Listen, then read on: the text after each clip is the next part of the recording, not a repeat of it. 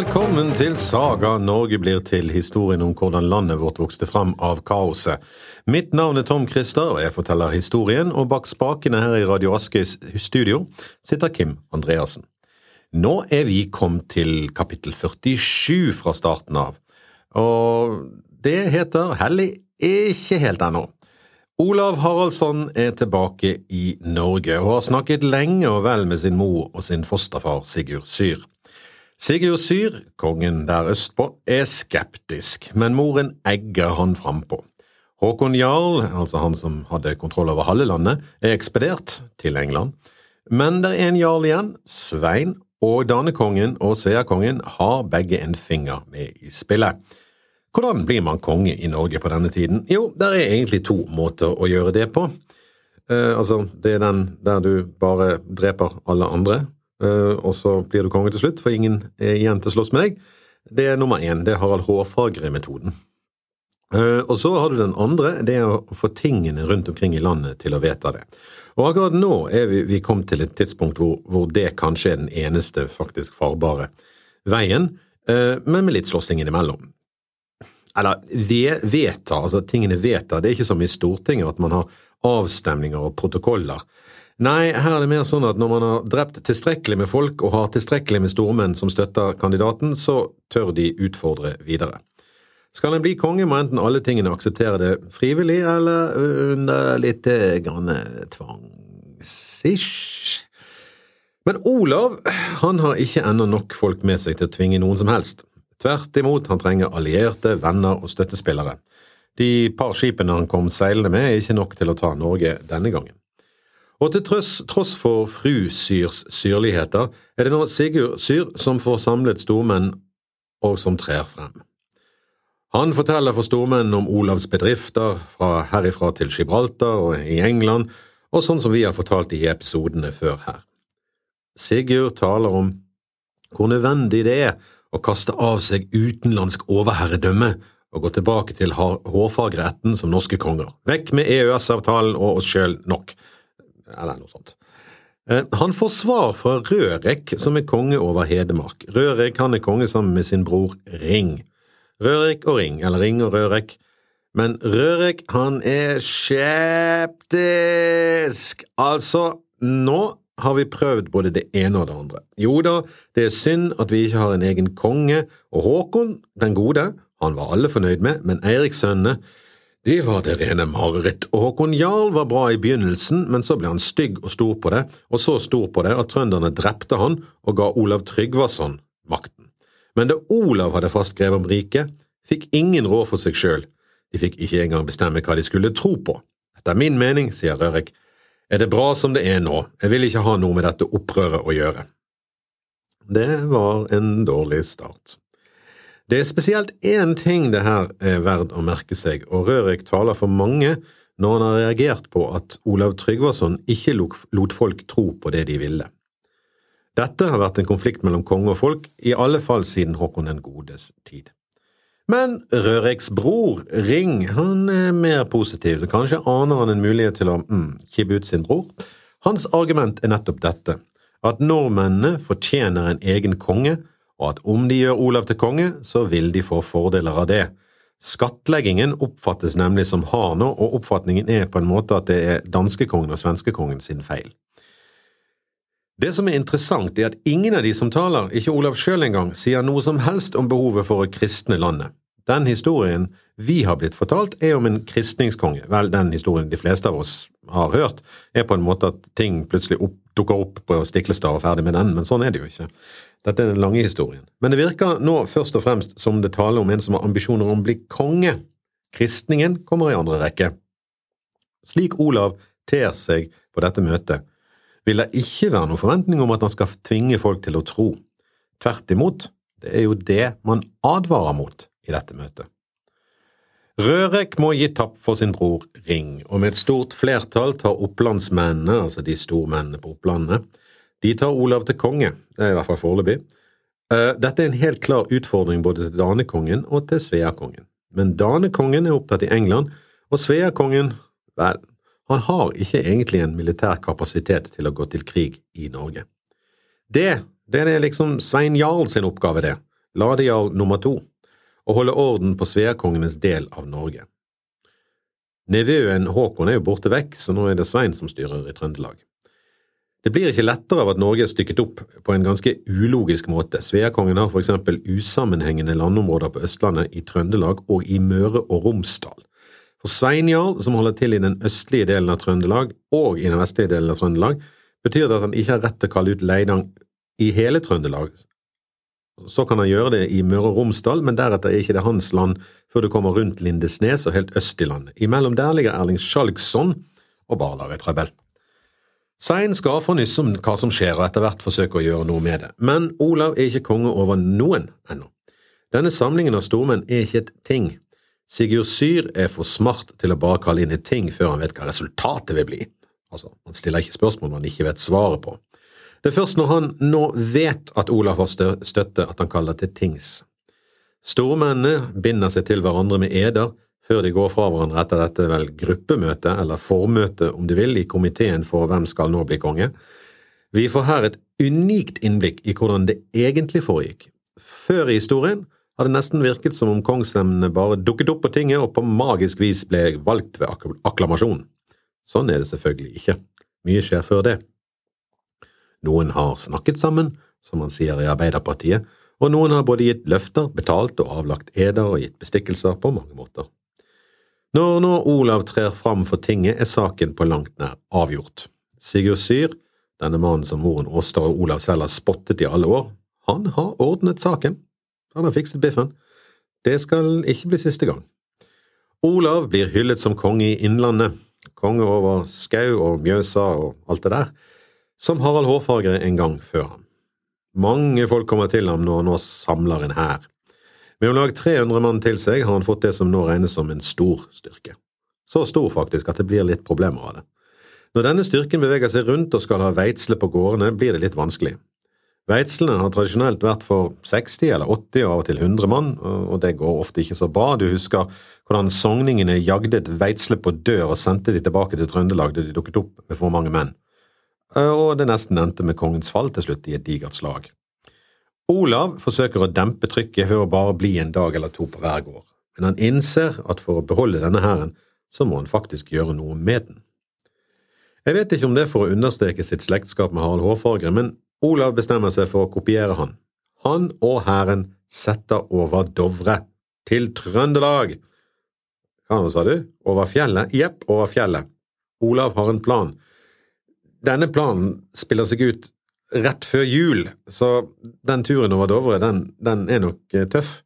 Men han kommer ned i Oppdal som sin forfar, men har vett nok til ikke sette i gang en massakre. Enten det, eller så har han ikke folk nok til det. I Oppdal husker man fortsatt hvordan Harald Hårfagre gikk amok etter turen over fjellet. Denne gangen går det fredeligere for seg.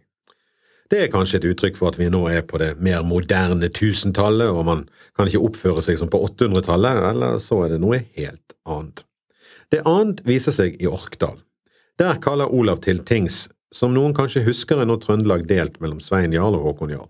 Håkon Jarl har jo Olav allerede tatt hånd om og sendt flyktende til sin far Eirik i England. Mange navn, men iallfall. Den ene jarlen er borte, den andre er der. Håkon kaller til tings for den delen av Trøndelag som ikke egentlig har en jarl. Han samler til tings i Orkdal og påstår at Håkon har gitt han Trøndelag. Han fører vitner, ikke nødvendigvis objektive og uavhengige vitner, men likevel vitner. Tror trønderne på det? Ikke helt overbevist, sjø. Som sagaen sier, noen trodde på ham, noen talte imot, og noen flyktet, Ellers på sagas vis, eh, nei, eh, dette gikk, gikk, ikke. De tok han ikke til konge her. Ikke en ubetinget suksess. Men sånn, ok, kanskje show me the money, sjø.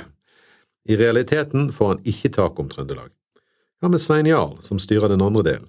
Vi må huske at dette er sentrum i Norge nå, og her er mannskapsstyrken størst, her er det flest soldater. Svein, han er i Steinkjer og skal til juleveitsle der, og nå skulle jeg nesten tro at vi var i ferd med å snuble inn på Stiklestad. Men nei, det er juletider, og han aner foreløpig ingenting om dette. Men nå kommer det en liten båt seilende inn fjorden. Det er Einar Tambarskjelvets menn som kommer inn fjorden, eller noen av de, og de kommer med bud om at Olav Haraldsson sitter i Orkdal. Einar hadde hørt nyss om dette og sendt sine menn opp for å sjekke saken, og de så det. Nå er Svein i en knipe. Han har ikke noe full uh, med seg til Veitsle, og det er bare et tidsspørsmål før Olav får tak i noen skip og får høre hvor han er og kommer etter han til Steinkjer. Så nå blir det litt katt og mus-lek. Svein er ikke treg av seg, han tømmer gården for Steinkjer for løtsgods, tar det om bord i skipet sitt og seiler ut fjorden med de folkene han har. Olav har på samme tid fått fem skip i Orkdal og stevner inn fjorden. Svein Jarl hadde mistanke om dette. Han seilte skipet sitt inn ved et sted som heter Mosvik, der det ikke var mye mose, men det var mye trær helt ned til sjøen. Der gjemmer de skipet under greinene og hugger trær og greiner som de setter foran skipet, og skjuler det. Det snakkes om bladverk, men dette rundt juletider, så mest sannsynlig er det snakk om grantrær. De hugger Norges første juletrær og gjemmer seg bak de. Kamuflasjens tidsalder begynner i fjorden der. Når Olav kommer inn fjorden med sine skip og sine 300 mann, ikke spartanere, men opplendinger, så ser de ingenting. Ikke en verdens ting. Ikke så rart, egentlig. De seiler i full fart og håper de skal komme overraskende på Svein i Steinkjer, mens han feirer jul. Så Olav seiler i full hast forbi med god bør, og vel inn fjorden kan eh, Svein kaste juletrærne og komme seg unna ut fjorden, der Einar Tambarskjelvet venter, og hvor Svein hadde sitt område. Fremme i Steinkjer med sine sultne menn tar Olav for seg av veislematen og stikker av med hele julegildet. Når Svein møter Einar Tambarskjelvet, så er Svein sint og utålmodig. Han vil samle en hær og gå mot Olav med en gang. Hadde han gjort det, kunne slaget ved Stiklestad og Steinkjer begynt nå, men Einar roer ham ned, og det er noe som tyder på at Einar har et eller annet i bakhodet. Nei, gjør de det nå, sier Einar, så kan Olav glippe unna som den ormen han har i banneret sitt. De må vente og se hva Olav gjør, sånn at de kan få han opp mot veggen og knekke ham på et fordelaktig sted. Einar mener Olav kommer til å bli sittende i Steinkjer for å spise opp julematen. Dermed drar jarlen på Veitsle i Stjørdal istedenfor å samle her, altså han feirer jul istedenfor. Hva i alle dager, hva slags spill er det Einar Tambarskjelv holder på med? Aner vi en stormann som posisjonerer seg? Selvfølgelig. Alltid. Tja, vi vet ikke. Men Olav blir ikke på Steinkjer, så kanskje, kanskje, det var et poeng i å vente. Kanskje aner han at han blir han sittende der, kan det fort bli problemer. Olav drar inn til Trondheim, til det handelsstedet Olav Tryggvason skal ha grunnlagt, Nidaros, eller som sagt Trondheim. Der finner han bygningen som Olav Tryggvason satte opp for noen år siden. De er nedslitte, de er 20 år gamle nå, de er nedslitte og til nedfalls. Olav begynner å sette de i stand og innlosjere hæren sin. De samler mat og får råd fra gårdene rundt.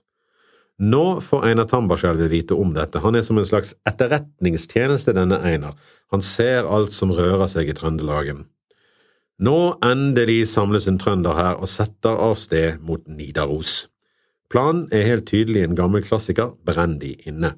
Skal vi endelig få et comeback for denne klassiske taktikken fra 800- og 900-tallet? Nei.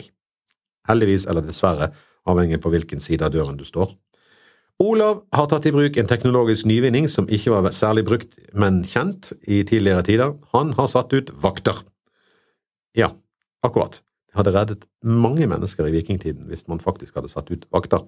Riktignok ikke brannvakter, men hestevakter.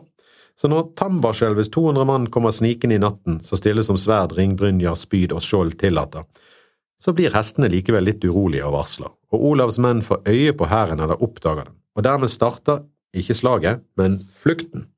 Olav og hans menn stikker av, de skjønner at dette ikke kommer til å gå bra. Det er ting som tyder på at ikke alle kom seg unna. Tambarskjelvet brenner Nidaros til grønn, så helt tomt for Olavs menn kan det ikke ha vært. Einar skulle jo ha færre menn enn Olav, egentlig, men nå flykter Olav i vintermørket, først ut fjorden, men så opp dalene og over Dovre tilbake til Hedmark igjen. Dette er flaut. Som det kvedes. Kongens hus brente halvferdig ved Nidaros, ilden ødela salene og strødde sot på menn. Helt uten kamp har Olav blitt sendt hjem. Ormen gled unna som Tambarskjelvet fryktet. Einar banner godt når han skjønner det. Men første stikk er tatt, Olav skremmer ingen i Trøndelag etter dette. Olav derimot er skremt. Han skjønner at dette lover ikke godt. Etter å ha sendt de så ettertrykkelig på flukt hele veien over Dovre, vil nok Svein Jarl komme tilbake. Det er han forpliktet til, hans vasallkonger krever det. Og det har Olav rett i. Nå byr Svein Jarl ut Leiang i hele Trøndelag, for nå er det ingen som bryr seg om Olavs påståtte gave fra Håkon Jarl med halve Trøndelaget. Sammen med Einar Tambarskjelvet samler han menn, skip og våpen. Og Olav gjør det samme på Østlandet. Begge vet at nå må Svein ta hevn ved å ta krigen til Olav, men vil han komme over fjellet eller langs sjøen? Hvorfor følger han ikke bare etter Olav over Dovre, eller kanskje han gjør det, Olav vet ikke hva, han samler bare folk. Det er gode grunner for å gå over fjellet, for ved Sola sitter Erling Skjalgsson klar til å lage trøbbel for begge kongsemner, men samtidig, på senvinteren, kan det være enorme mengder med snø som gjør det umulig å ferdes over fjellet med en stor hær. Vi vet ikke hva været var den gangen for tusen år siden, sannsynligvis litt varmere enn i dag, men Einar og Svein de velger skip. Det er egentlig klassisk for ladialene og trønderne. De seiler sørover langs Vestlandet, og du skulle jo tro at de kanskje hadde ramlet inn i trøbbel ved Erling Skjalgssons Sola, men nei. Han har lagt fiendskapen til side for en stund, han har heller ikke lyst på en ny enekonge som kan true hans stilling på Sør-Vestlandet. Så de seiler med mange kjente navn. Einar Tambarskjelve, Tore Hund, vi har hørt de i sagaen mange ganger. Rundt Lista farer de, og inn i Viken. I Innlandet har Olav samlet folk, men han er urolig, han tror ikke det er nok. Fienden hans legger seg til i, hel, i Telemark, eller Grenla, Gren, Grenmark, som det heter. Og hva gjør Olav? Vel, han gjør som han har gjort siden han kom hjem. Han går til sin fosterfar Sigurd Syr og ber på sine knær om hjelp. Og nok en gang kommer Sigurd til hjelp og til slutt har de 20 langskip som stevner ut fjorden. Olav styrer flaggskipet Karlshovde, han har sjøl tatt seg tid til å skjære et vakkert hode til stavnen på skipet. Det varer ikke lenge før de to hærene får øye på hverandre, Olav med sine 20 skip og Svein med det som skal være 45. Nå legger de to fylkingene seg til og fester skipene til hverandre, tenger den sammen, klar til å lage denne plattformen, kampplattformen som vikingtiden var så kjent for. Utenfor det stedet som heter Nesjar, ligger Olavs skip tenget sammen med to knarrer ytterst som flankebeskyttelse. Men det er noe som ikke helt stemmer. Svein skal altså ha 45 mot 20 skip, og sånn sett et godt overtak. Når Einar Tambarskjelvet ser fylkingen til Olav, sier han, se fylkingen til kongen, den kan ikke kalles tykk. Det kommer ikke uventet selv om trynet blir hardt å ta på for sol, for sol går ned. Hva er det, hva er det Einar snakker om? Det, altså For det første sier han at kongens fylking ikke er så mange, der, der er få.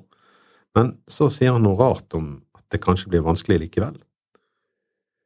Svein Jarl ber Einar om hjelp. Om jeg skal lykkes i dette, må du fare med meg i angrepet. Det er ikke håp om det, svarer Einar. Nei, nei vel, hva er du her for da? Det hørte jeg aldri før at du ble motløs, sier Svein. Kall det hva du vil, sier Einar. Men det kan hende du blir lykkeløs om jeg blir motløs. Dere er ikke like smarte, du og kong Olav. Det er nå to, to utveier å ta, og kongen har to, mens du har ingen. Ett er å vise ærefrykt for høytiden og vente. Et annet er å verge seg for skuddvåpnene deres, for de kommer til å bruke de, og de vil bli skutt hardt og så rett som du aldri har sett. Han fikk rett i det, Einar, men hva er det han egentlig sier? Einar ser ut til å mene at de ligger dårlig til, at Olav har en fordel rent taktisk. Kanskje det er som Salamis, at Svein ikke klarer å bruke overtaket i folk på grunn av slagstedets form. Einar ser ut til å antyde at den som har tid til å vente på den andre, vil ha en fordel. Og det er nettopp det rådet Olav har gitt sine menn, gjem dere bak skjoldene, vente de har kastet og skutt alt de har, først da gå på. Og det er nettopp det som skal skje. Men hvordan det går, må du vente på neste episode for å få vite. Men før vi avslutter, skal vi ta et lite vers fra Håvamål. Og vi er kommet til vers nummer fem i Håvamål. Vit han tarv som vidt skal fara. Det er mangt heime høveleg. Til bissen han vert som veit for lite. Mitt navn er Tom Christer Nilsen, og dette var episode 47 av Saga Norge blir til. Vi høres snart igjen.